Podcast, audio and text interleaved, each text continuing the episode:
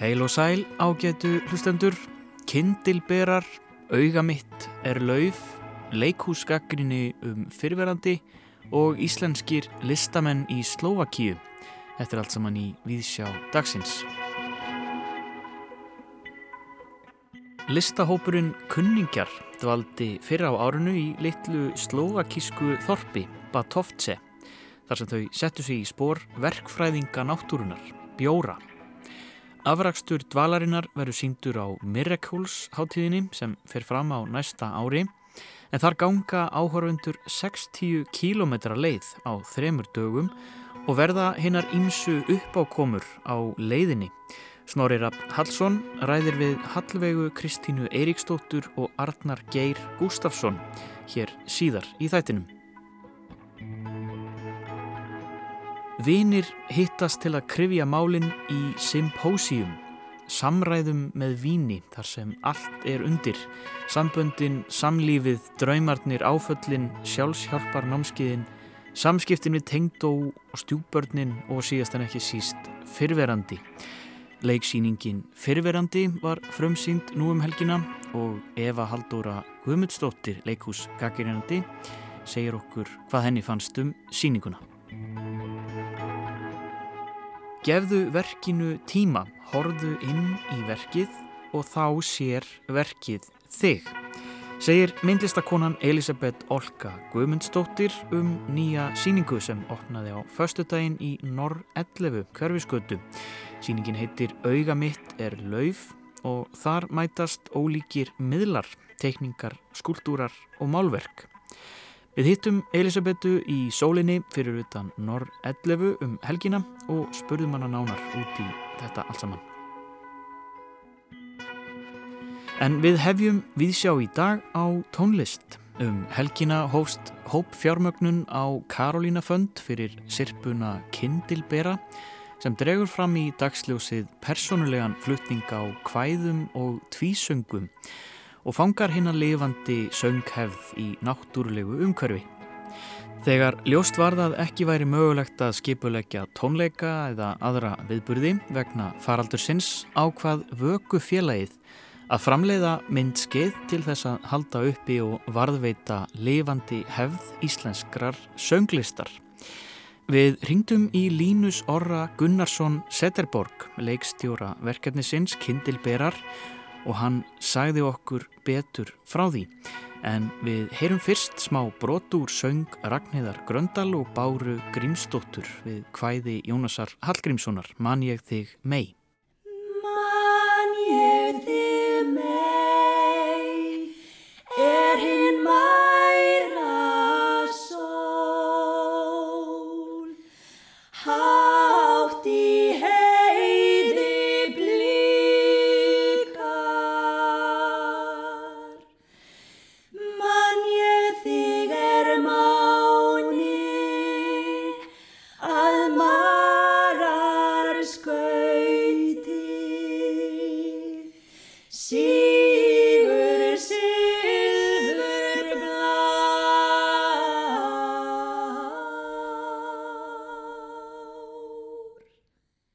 Línu Sori, segð mér aðeins frá þessu verkefni, Kindilberar, þegar það, uh, það var að byrja hóp fjármögnun á Karolínaföndum um helgina.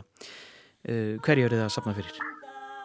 Herru, við erum sem sagt búin að vera að vinna að þessu verkefni núna í tvö ára að taka innbönda af fólki að flytja tvísöngva og, og kvæði og þetta var svona fyrir okkur svolítið staðið fyrir að gera viðburði út af allum takmörkunum. Að þá hérna fórum við að vinna þessi myndband.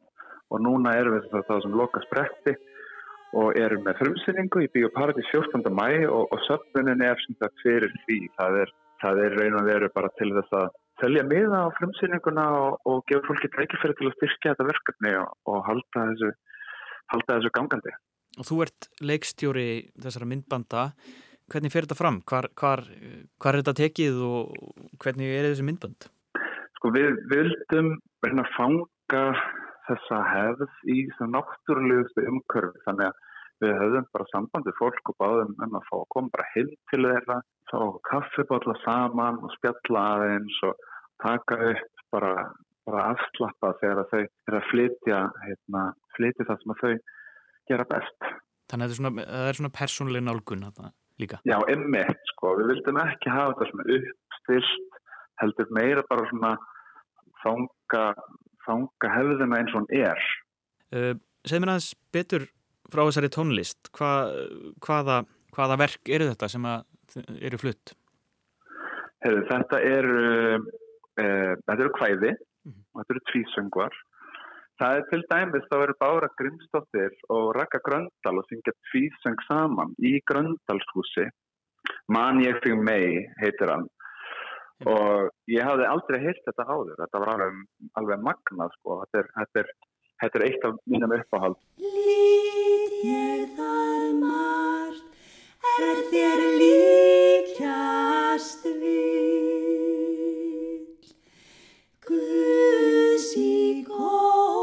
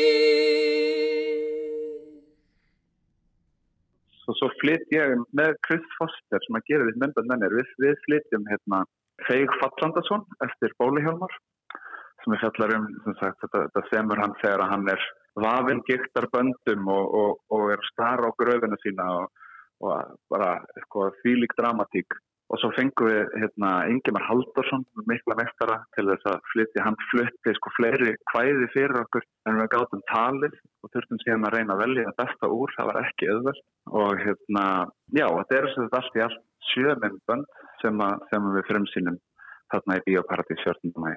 Og þessi sagna arfur, uh, hvæða og söngu arfur, þetta er gullnáma, þetta er, þetta er botlaus hérna, fjársjóskista. Já, sko, þegar ég byrjaði fyrst að hafa áhuga á þessum, þessum arfi, að þá skildi ég hann ekki alveg. Ég var, svona, ég var að leita einhverju íslensku tónlist til að geta, geta flutt einhverju svona, hérna, leita sem íslenskum þjóðlögum og ég, veginn, við fyrstu sín þá fannst mér þess að væri ekki mikið þarna. Ég, ég, ég heyrði ekki miklu músík þarna. Mm. Og síðan þegar ég byrjaði að kafa dýbra að þá byrjaði ég að fatta hvað þetta er ótrúlega stór fjársjóskista og ég mun sko, ég mun ekki endast æðin til að komast yfir allt þetta efni. Þannig að áhugin á þessu kemur þá bara af forvitni, þú ert bara kynnaðir þessa tónlist. Já, ég kem bara alveg grætt í þetta sko, bara, bara hafandi enga tengingu við þetta, verandi bara tónlistarnar, hafandi áhuga á hérna, svona þjóðlega tónlist yfir höfur, mm -hmm. var að spila írska tónlist og sænska tónlist hérna, og mandolín og flautur og svona. Og síðan hérna fór ég að leita að þessu íslenska. Við vorum að hugsa af hverju ég spila hérna, alla þetta útlensku tónlist? Hvað er þessi íslenska tónlist fyrir mig til að spila? Og þá gekk ég hvaða manna félagið og, og, og byrjaði að leita þar og, og þá bara einhvern veginn blasti við mér þessi fjörsöður Og vöku félagið, Hva, hvað er það? Er það sprottið þá upp úr, upp úr þessari leitinni eða Já, vökufélagi stopnið við Chris Foster um, sem sagt bara til þess að halda utanum viðburði, tengda þjóðlega tónlist. Og þetta stopnið við sko korster í COVID. Þannig að bara strax og við vorum hérna, kominir að stað að þá þurftum við að stoppa aftur. Þannig að, þannig að þá breyttum við aðeins um gýr og fórum í þessa myndbandsframleysli í staðin. Já, þannig að verkefni tók þessa, þessa beigju og, og það er afurðin sem það eru með í höndunum. Einmitt og svo núna með, með hérna, þegar þetta verkefni búið þá getur við lóksins farað að einbætt okkur að því að skipulegja aftur viðbyrði og, og hérna, sérstaklega og tónleika og, og svo erum við með sagt, þetta, þetta litlu þjóðlega háttið okkar sem heitir Vaka Já. Uh, sem, að, sem að á að vera alltaf í mæja á hverju ári við náðum að skipulegjana einu sinni hérna í Reykjavík og áður fyrir COVID og síðan hefur þetta fresta, fresta, fresta en, en það verður svo að Vaka þjóðlega háttið í Reykjavík í mæja á næsta ári í alveg patti. Þannig að loka takmarkið er að, að sapna fyrir þessum uh, hérna, já, frumsýningin er svona loka nikkurinn á þessu verkefni, kindilberum og, og síðan haldið eitthvað áfram að þróa þetta, þetta verkefni. Einmitt, sko, sko við eiginlega núna þegar við verðum að heita núna eftir þetta til gang þá höfum við ekkert ekkert að hægt að tala um bara hvað við viljum gera næst. Uh, og vegna þess að það er svo það er svo áhugavert fyrir okkur að sko hvað áhugin er mikill. Að hérna uh, við, við settum þetta að staðum bara, við erum á þriðja degi hérna og við erum komin upp í 80% við erum á þriðja degi af 30 og við erum komin upp í 80% og ég er bara hálf viðbyggt við því að segja að við hérna ég er að fara núna upp í flugvel eftir bara 10 minúti til Grænlands og ég býst eiginlega við því að þegar ég lendi að þá séum við bara komin upp í 100% þetta hefur bara gengið eiginlega alltaf öðvöldlega við, við, við erum náttúrulega ekki svona týpur til að taka mikla fjárhærslega áhættu ja. þannig að við setjum takmarkið mjög hóvært uh, en, en, uh, en við veitum það þá bara næst að áhugin er rosalega mikil við, ja. sko ég fundið svolítið fyrir því síðan að ég byrjaði að dústast í þessu að áhugin fyrir uh, þessum sönghefðum okkar er mjög mikill. Það hefur bara ekki verið fólk hefur ekki alveg vita hvert á beinunum hinga til. Mm. þannig að það er rosalega gaman að vera að, að, að bjóða fólki upp á eitthvað og sjá hvað, hvað viðbröðin eru mikil.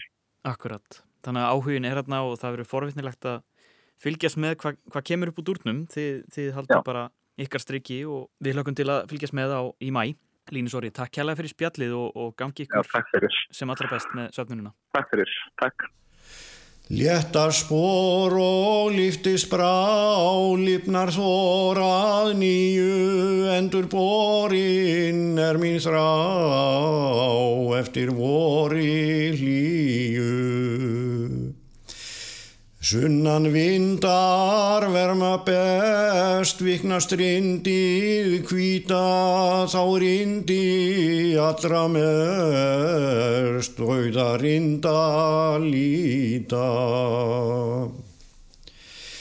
Flyttist hingað fuggla þjóð, flögrar kringum bæinn til að syngja ástaróð, Íslendinga bræinn.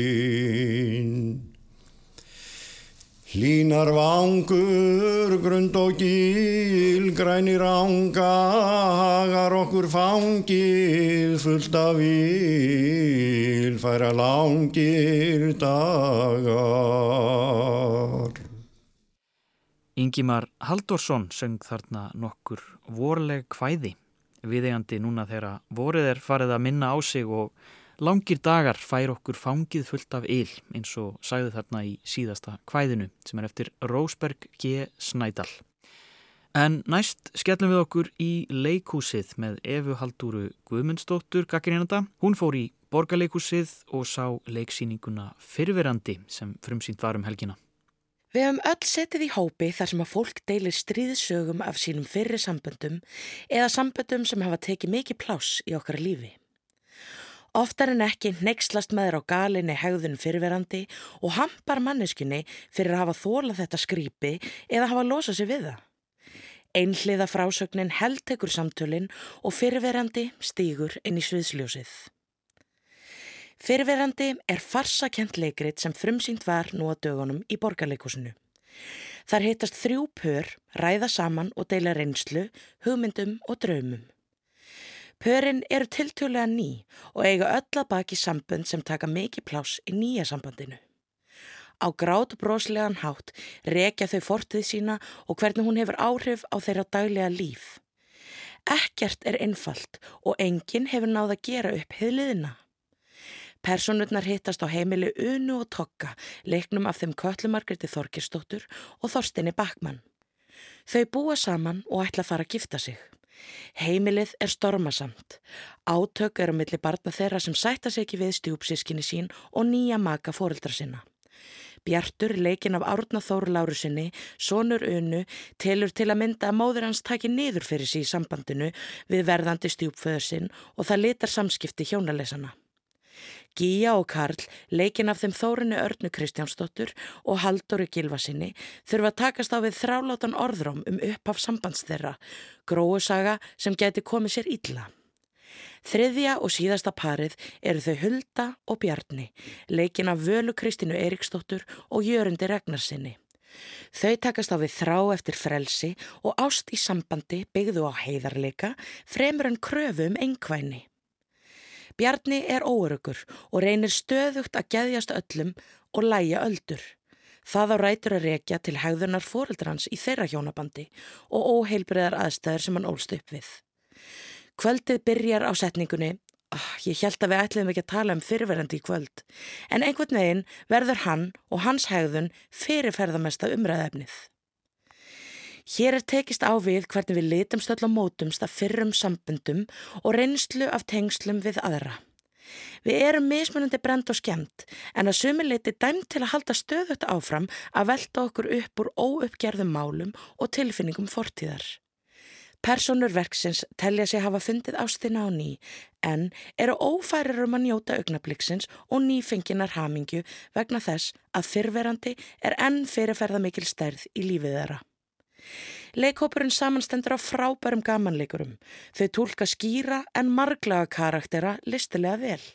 Þeir Vala Kristín og Katla Margret stóðu hins vegar upp úr hvað varðaði einstakar komískar tímasetningar og dýft.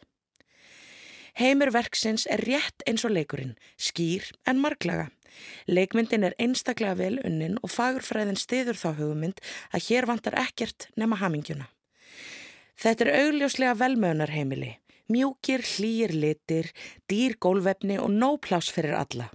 Tvískiptingstofunar sínir síðan tókstreituna sem ríkir svo augljóslega, mín börn og þín, mitt fyrralíf og þitt, þú þarna og ég hér, getum við mæst í miðjunni. Búningarnir bæta svo við þessa ímynd.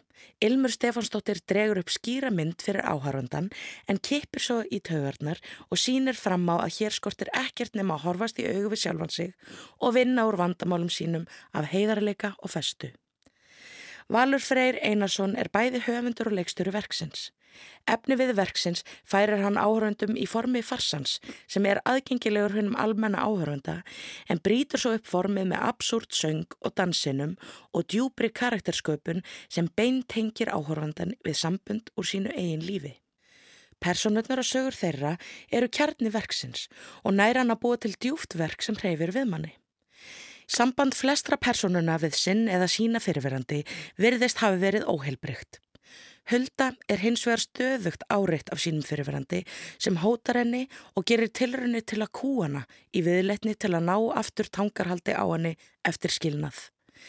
Mér fannst ekki skýrt hvort ofbeldi sambandið hefði verið sett í verkið til að útskýra munin á óheilbröðu sambandi og ofbeldi eða hvort höfundur tellið það falla í sama flokk og hinn sem ennkennast af andlegum veikindum í einu tilfelli, sveikum og framhjáhaldi í hinnum. Það tröflaði mig að þeirra fyrirverandi maki huldu hótar að dreifa kynferðislega efni af henni sé það í verkinu kallað hemdarklám en ekki sínu rétta nafni, stafrænt kynferðisofbildi. Í verkinu er látið að því liggja að lausnin á þessu stafræna kynferðisofbildi sé að ringja í eitt góðan lögfræðing þegar raunin er allt önnur. Þólendur stafræns kynferðisofbildis eru líklega þeir þólendur sem fá hvað sjálfnast kærur í sínu máli og eiga þá hættu að ofbildi getur komið upp hvena sem er því það er ekki hægt að tryggja efni ekki flög aftur og í raun að fá lagaleg úrræði til að stöðva það. Þólendur lifa í stöðugum óta því þú getur aldrei verið vissum að efninu hafi verið fullkomlega eitt. Pornhub þurfti til dæmis að fjarlæga ógrinni af efni af síðum sínum því ekki var hægt að tryggja að þar væri ekki um kynferðsóbeldi að ræða. En Valur skapar heim með listræna teiminu sem getur flokkast undir absúrt en er samt svo ótrúlega realískur á einhvert skrítin máta. Hann vinnur á hlýjan máta með mennskuna og hvað verum öll breysk. Fyrirverandi skildi mig eftir með margar spurningar og fór með mig um víðanvöll. Eru við öll í raun samansapna þeim samböndum sem litað hafa líf okkar? Ég stend mig oft að því sjálf að ranka við mér í miðjur yfirildi við mannin minn og heyra rött föður míns í sínum yfirildum við móður mína. Verkið fær mann til að endur skoða sín eigin samskiptamunstur án þess að dæma sjálfan sig fyrir að vera óheilbreyður eða breyskur. Við höfum öll gerst seg um að beigja sannleikan fyrir eigin hagnað en eins og segir í verkinu þá eru við öll óheðarleg. Verkið fær mann til að hlæja að því að þegar maður heldur að maður sé að svifta hölunni af skrimslinu sem er manns fyrverandi en afhjúpar þessi stað oft eigin ófullkomleika. Verkið leggur áherslu á að ofbeldi, svik og haugðun annara er aldrei þín ábyrð en þín viðbröð og haugðun er það sem þú þarft að einbeta þér að. Manneskjöldnar þrá tengingu og leitust við stöðugt við að elska og vera elskuð. En hvað verður um þessa tengingu eftir skilnað? Eða þegar tengslinn eru meðvita rofin? Getum við raunverulega rofið þau algjörlega? Sagði Eva Haldóra Guðmundsdóttir um leikritið Fyrverandi sem nú er komið á fjalir borgarleikúsins. En þá færum við okkur um set og hugum að öðru hér í Víðsjá. Það var á köldu og dimmu februar kvöldi sem Snorri Rapp Hallsson satt á kaffi Jelenik, gömlu kaffihúsi við Otto Bauer götu í sjötta hverfi Vínar. Þar eru allar innréttingar uppbrunalegar, áklæðin, slitin, vekkfóðrið, fölnað og hundrað ára gamalt gólfið farið að láta á sjá. Á móti honum satt gömul vinkona úr grunnskóla sem hann hafði ekki rætt við í mörg ár og samstarfsmæður hennar. Þau voru í dagsferð frá Slovakíu. Hvað er að skriktast það sem þú er búin að lenda í núna í Slovaki? Í Slovaki? Vá. Góð spurning. Hmm. Um, Heyrðu, það, e- eitt af því skriktast sem ég lendi í allana er að ég var að lappa hérna, frá heimilin okkar uh, í leikúsið sem er svona kortisröld og þegar ég er að lappa þá allt í hennu sé ég, hérna, allt í hennu heyri ég einhverja svona ljúfa rock tónlist. Og ég fer að pæla í hvaðan er þetta að koma? Og genga þess nær. Og þá er þetta hérna hátalara kerfi sem er í öllum bænum bara í öllum bæjarhlutum bæjarins sem er bara samstilt uh, sem að spilar uh, eitt rocklag uh, áður en það kemur með COVID tilkynningar og svo endar það, jú, á öðru rocklagi og alltaf mismöndur já Bara eitthvað sem að einhverju á bæjarskjöfstóni finnst svona henda þeim daginn. já, og þetta er bara mjög næst tónlist og ég hugsa að þetta er fleiri staðir að vera með svona Já. sameiginlega bara rýmislega útarstöð Já, en það er engin leið að flýja. Þetta heyrist í öllum bænum. já, já, já. Já. þannig að þú fílar ekki ljúfa rocktónlist þá ert í vondum málum Já. Herri, er þið þá til að kynna ykkur og segja hvað þið eru að gera og hvað? Já. Ég heiti Hallveig Kristín Eiríksdóttir og er sviðsvöndur. Já, Arnar Geir Gustafsson, uh, borgarskipulagsfræðingur og, og allt múli listamæður. og við erum sett að gera uh, verk fyrir listaháttíð í Slovakíu.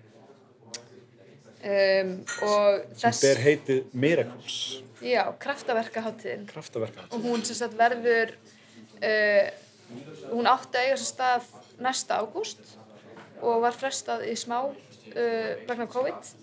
En hún sem sagt mun eiga sér stað á 60 km vegalengd í uppsveitum Slovakíu og áhörundur ganga sér 20 km á dag í þrjá daga. Og svo eru listamenn búin að planta sér hér og hvar á leiðinni. Og þar á meðal við Arnar sem að verður með innsetningar og hljóðverk og gjörning. Uh, og hvað er þið að gera núna? Um, núna hérna, erum við komin að það stig að við erum að uh, já, sauma saman búninga. Er kannski byrja að segja að við erum í mánaðalangri residensju Já, í Sló... Já, við erum í mánaðalangri residensju í Slovakíu, í Batovce, í Nitra héraði í Slovakíu, sem er tveimur klukkutímum frá Bratislava í bíl. og erum þar sem að vinna að þessu verki sem verður sett upp á hátíðinni.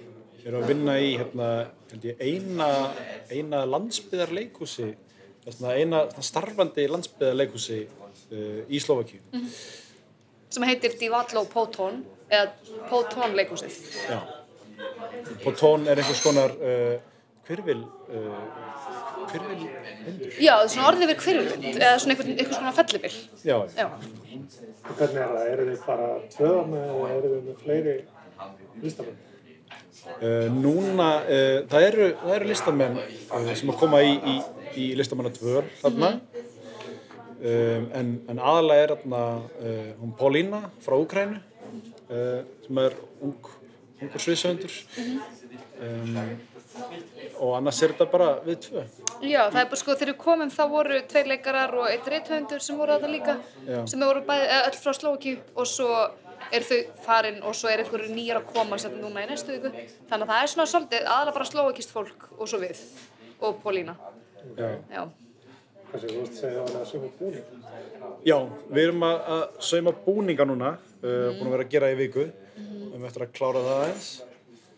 Um, já, fórum í bæjarferð að kaupa vöðlur og, og, og efni og fórum á þrættum hérna second hand búðurnar fyrir, fyrir, uh, gerfi, fyrir gerfipelsum. Já, og við erum satt að gera uh, búninga fyrir okkur tvö uh, sem eru tveir svona bjórar í yfirstærð og þá er ég að tala um dýrið bjóra, ekki flöskubjóra og við munum satt performera sem þessi bjórar út í á uh, og eru þessi með vöðlur af því við munum þarf að standa frekar lengi út í vatninu af því að áhörundum munum bara lappa framhjá á svona fjögur til sex klukkutíma tímabili þannig að við munum bara vera þarna í svona kannski ætli þessi ekki svona 2-3 metrar á hæðu þessir Þessi búningar. búningar með Já. okkur með talin Já, svona, já, eitthvað og Já. hálfur eitthvað. Já. Og hver er þá hugmyndin á bakvið það sem þið ætlaði að gera? Sko, við byrjuðum hérna, við byrjuðum í einhverjum skona rýmispælingum uh, og fórum síðan bara að henda á mill okkar einhverjum referensum. Og uh, uh, vorum alltaf mikið að vinna með sko svona realisma, surrealisma uh, sviðsetningu í náttúru. Já, og svona hvernig maður perfumera náttúruna og hvernig maður kannski svona fókuspunkta inn að- þegar maður er að ganga í náttúruna því að allir áhörundum munu vera að labba og erum svona kannski að spá í þeirra upplifun hvernig maður tekur eftir umhverfum sínu þegar maður er á svona langri göngu einhvern veginn. Og svo fórum við í vettvánsferð á satt staðin sem við ætlum að sína verkið. Uh, þannig að þetta er svona set specific eða staðbundið leikhús.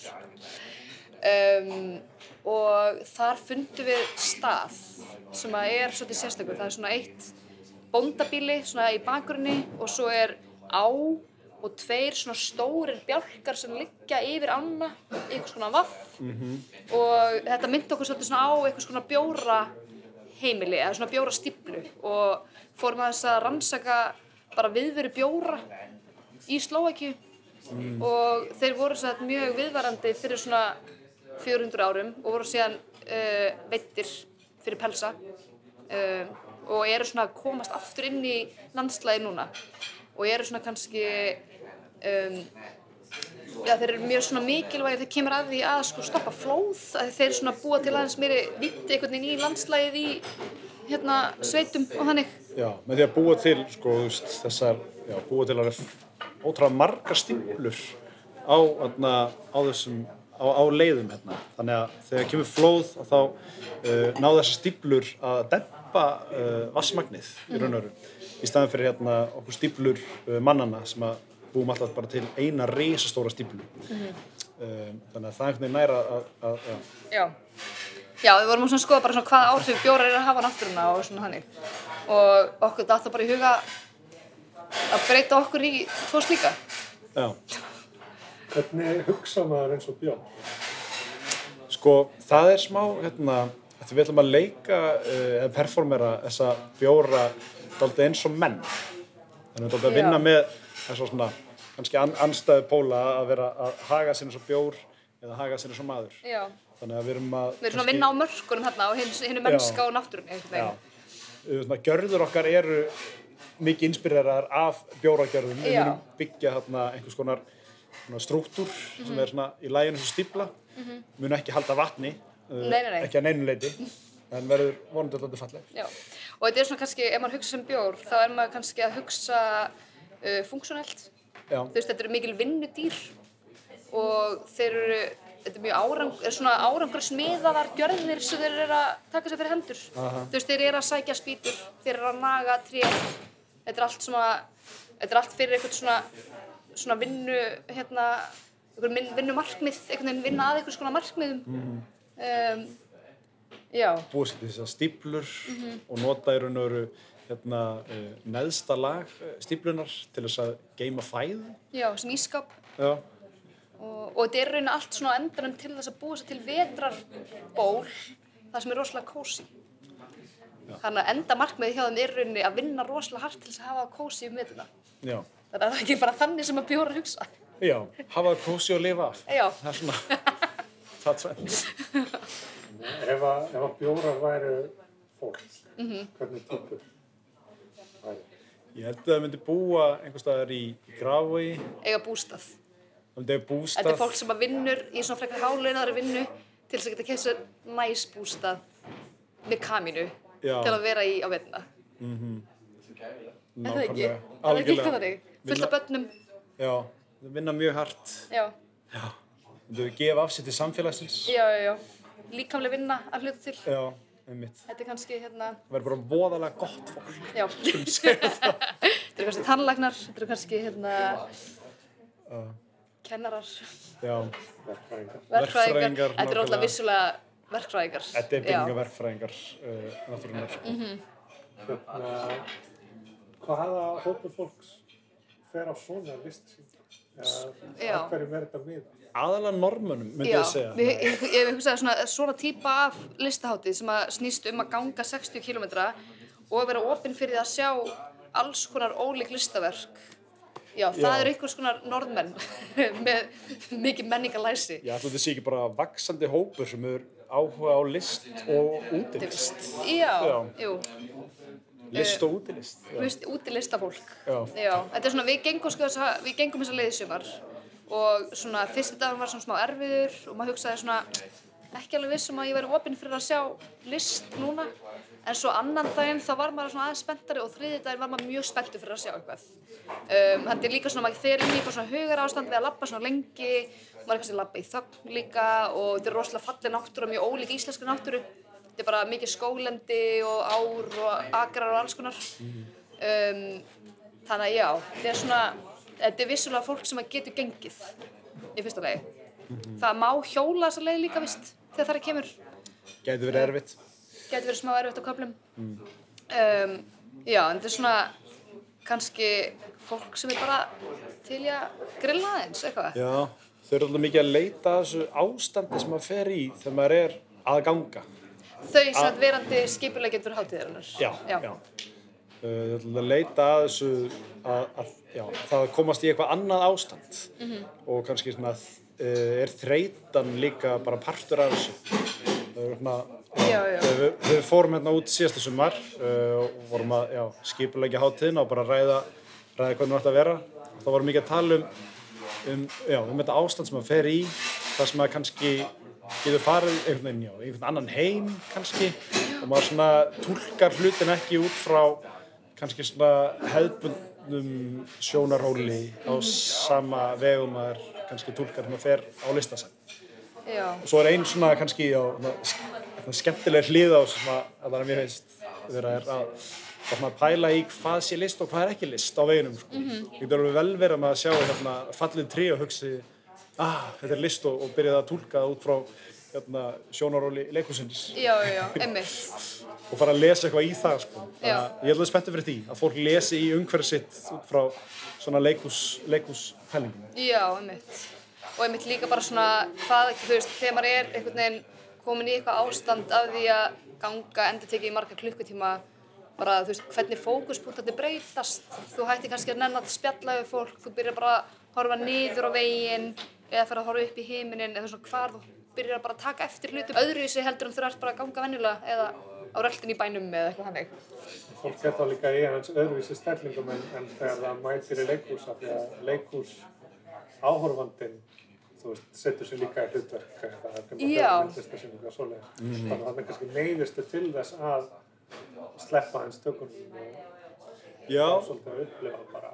algjörlega og líka svona að áhörundin hefur skuldi val um hvort hann stoppi eða ekki þú veist, hann er í rauninni ekki neitt til þess að setja í sal hann er ekki í þeim stellingum þannig að hann má alveg bara lappa fram hjá okkur listaverki ef hann nenni ekki að sjá það já, og einmitt líka bara með hérna, kannski vantar góða íslenskuna á hérna caught uh, off guard, hérna.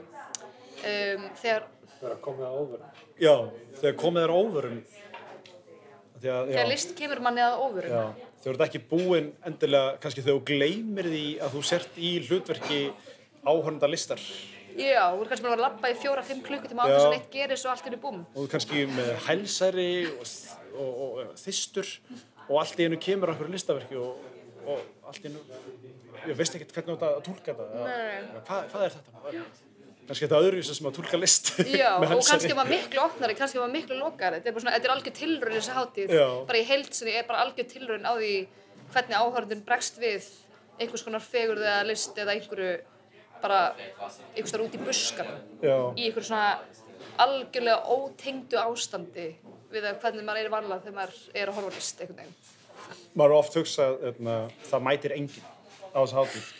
Uh, en svo eftir því sem ég segi fleiri og fleiri frá þessu þá hérna, vil allir bara ég sendi þeim upplýsingarnar þetta mæta bara.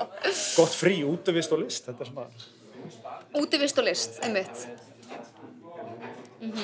Eh, þá kannski svona bara í lokin, svona hvernig kom þetta til? Um, það má kannski taka fram að þetta verkefni er samstarfsverkefni Tjarnabíós uh, og þryggja menningastofnana frá Liechtenstein, Noregi og Slovakíu. Þannig að við erum þarna í rauninni sem, sagt, á vegum Tjarnabíós um, og það var bara sendt út opið kall og við Arnar undir formerkinum sem sagt, kunningjar sem er listhópurinn okkar við hérna bara komum með tillögu að verki sem, var, sem komst inn á hátíðina.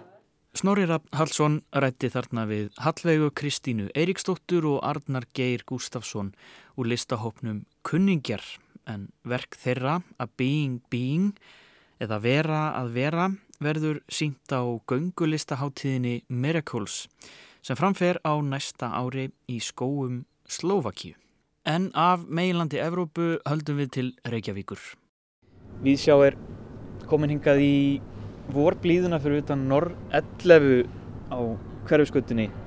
Hér hjá mér er Elisabeth Olka Guðmundsdóttir. Þú varst að opna síningu hérna inni. Uh, auga mitt er lauf. Mm. Hvað getur þú sagt mér um þessa síningu og til hamingi með hana? Og takk hérlega.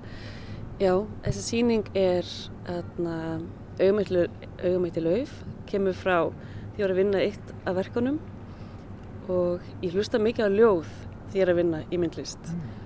Og svo kem, vinn ég bara einhvern veginn. Og, og það er sköpningkraftur sem kemur einhver stað frá. Og svo vinnur maður og, atna, og svo fæ maður innblástur að sjálfsögðu frá umhverfinn sínu. Og ég fæ mikið innblástur frá ljóði. Og oft þetta svona línur inn því ég er að skapa. Og auðvitað mitt í lauf kom bara í einu verkinu. Já. og þá byrjaði ég að teikna augu. Ég ætlaði að teikna bara lauf en byrjaði þá að teikna augu og það er eitt af stóru verkunum sem eru bara auglokk eins og lokuð augu. Og þarna og ég er að vinna með þarna, í þessari síningu er ég að vinna með gifs og vassliti og ég steipi þarna, smá gifsform sem eru svona svo brot og svo raða ég myndanum saman.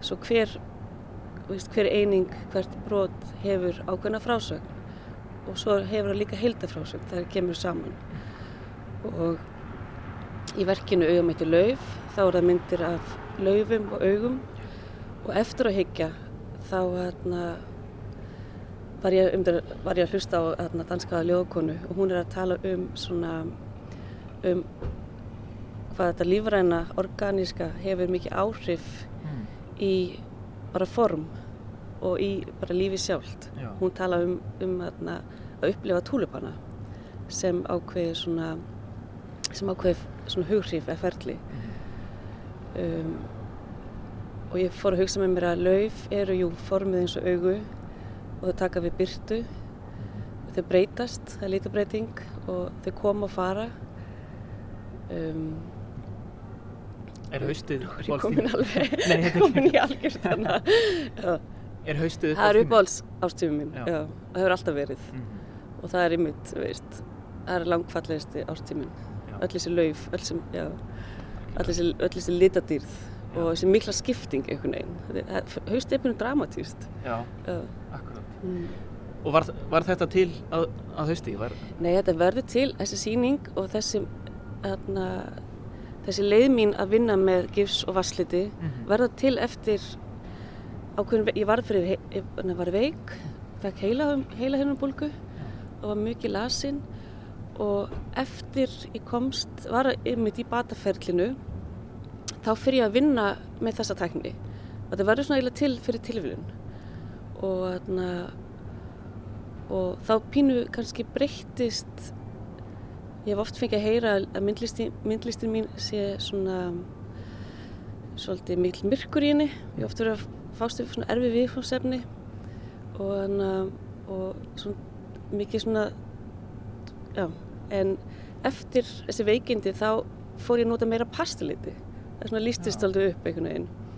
Og og þarna og þá fór ég líka að vinna með blóm.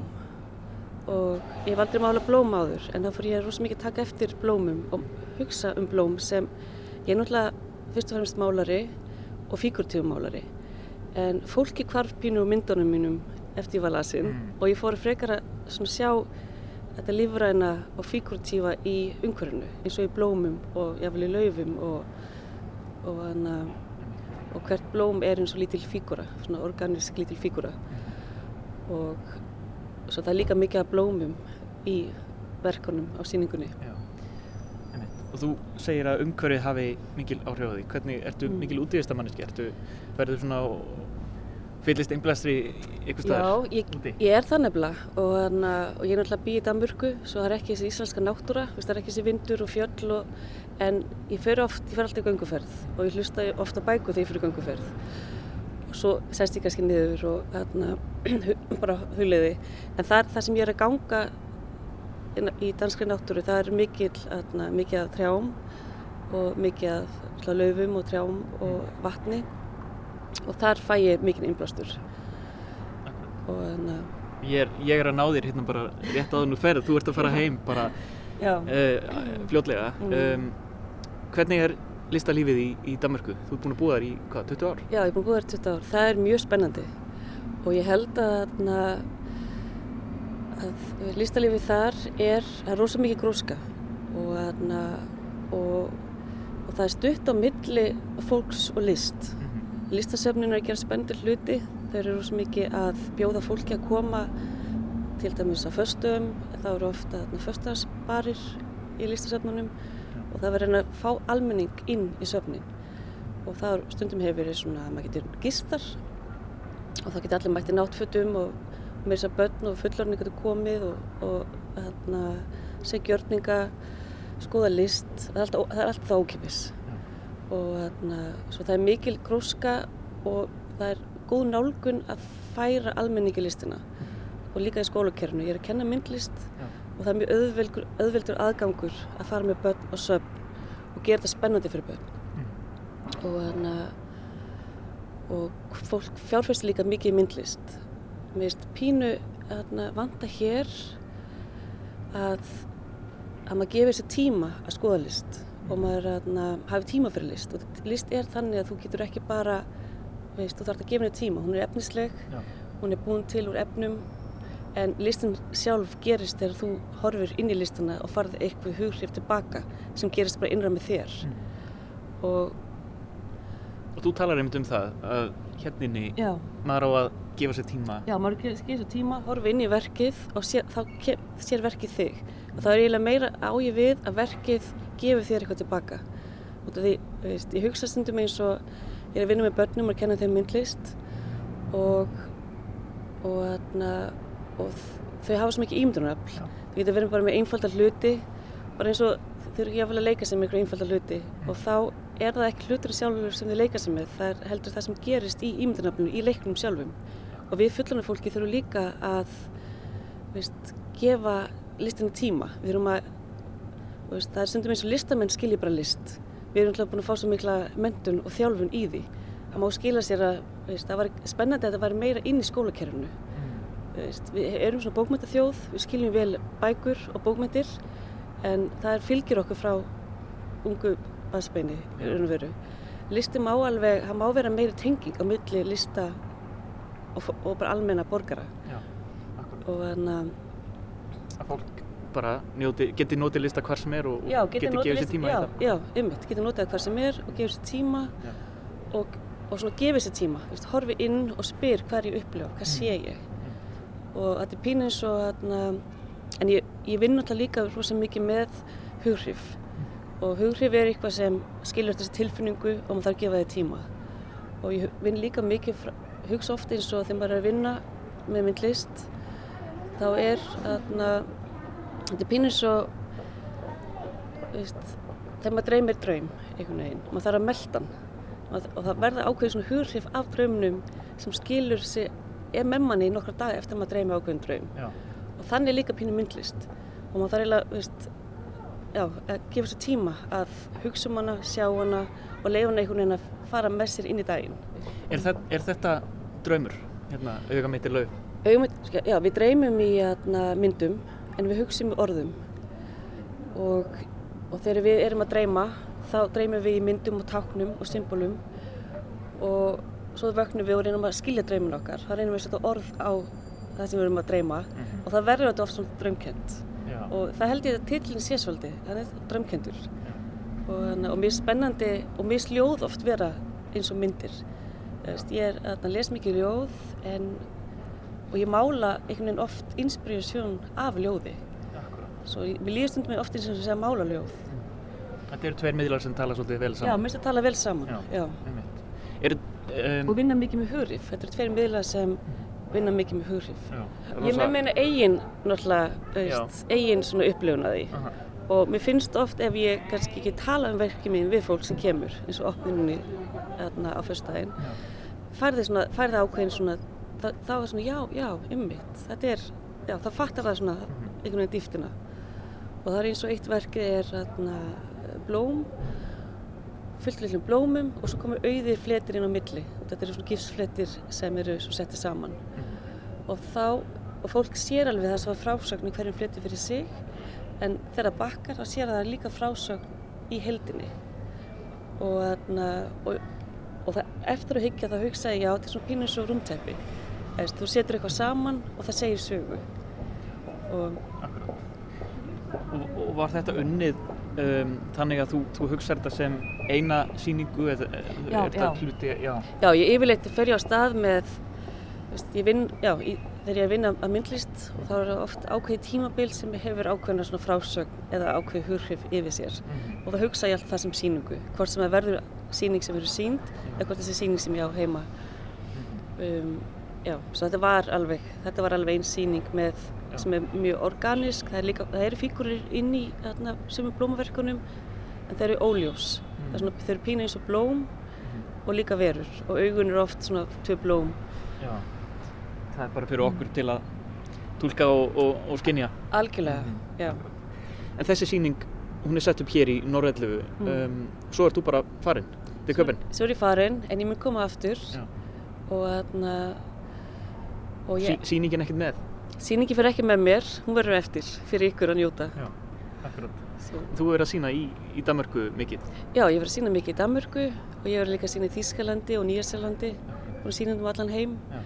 Og ég hef ekki sínt, það er langt síðan ég hef sínt á Íslandi en það er pínu skemmtileg tilviljun að ég sínd á Íslandi e, stutt eftir útskrift sem er komið 20 ára síðan og það var það í sama húsi. Já. það var bara annar það Önnur starfsemi hérna. Önnur starfsemi, og þá var það na, eftir að sonum minn fekk heilaganbólgu og hann fekk heilaganbólgu þegar hann var að verða einsás og þá gerði ég svona lilla púkamyndir. Svona, þetta var eiginlega barnasýning Já. já, þetta var svona barnasýning, já og svo var bara vinur minn sem myndi mig á að það var hér fyrir 20 árum síðan sem ég síndi, þá, þær myndir Mm. en nú er þetta myndir fyrir alla fjörskildina Já. Þannig að sagan komin í smá ring. En komin í ring, Já. já, það er svolítið þannig. Sagan Akkurat. fer með mann í ring, einhvern veginn. Tíminn er, já, tíminn er svolítið skemmtilegur, hann spila svolítið með mann einhvern veginn Og leikur stundum á mann. og leikur á mann, algjörlega. Auga mitt í lauf, er, er hún að fara á eitthvað flagg síðan? Eða, Já, sennilega. En þarna, ég er að starfa með listval, frábærar stelpur, Elsbeth, Alma og Helga. Og þær eru rosalega duglegar. Þær eru með að fara að starfa líka í Danmörku. Og mér langar að, já, halda áfram að starfa með þeim. Þær eru með rosa skýra svona sjón og eru rosa duglegar. Og, þarna, og sennilega mun ég halda svipaða síningu eða aðra síningu annar staðar. Þetta er sölusýning, svo ef verkin verða selð þá, þá verða það hér. Já. En annars, já, en maður er náttúrulega stöðugt að skapa, svo þetta er pínu eins og að setja þarna, kartöflunir í mold, maður setur eina og koma margar tilbaka, svo heldur sér í sköpunarferlinu þá, veist, ummitt, maður kemur alltaf meira og meira út úr því. Þessi flotta enda hérna á mjög náttúrulegri myndlíkingu. Eh, Elisabeth, takk hjálpa fyrir spjallið og góða ferð til Danmarkur og gangið vel í myndlistinni. Takk innilega.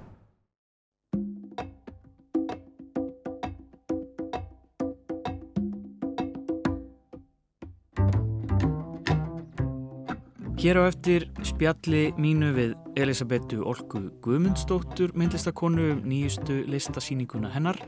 Eru við með hugan við augu og lauf, þó ekki haustlauf, heldur vorlauf og nýjabrum og við ætlum að enda viðsjána í dag á þessu lægi Tómasar R. Einarssonar Dúr á auga sem er af plötunni Gangandi Bassi. Og við kveðjum með því í byli Takk fyrir samfélgina í dag og veriði sæl.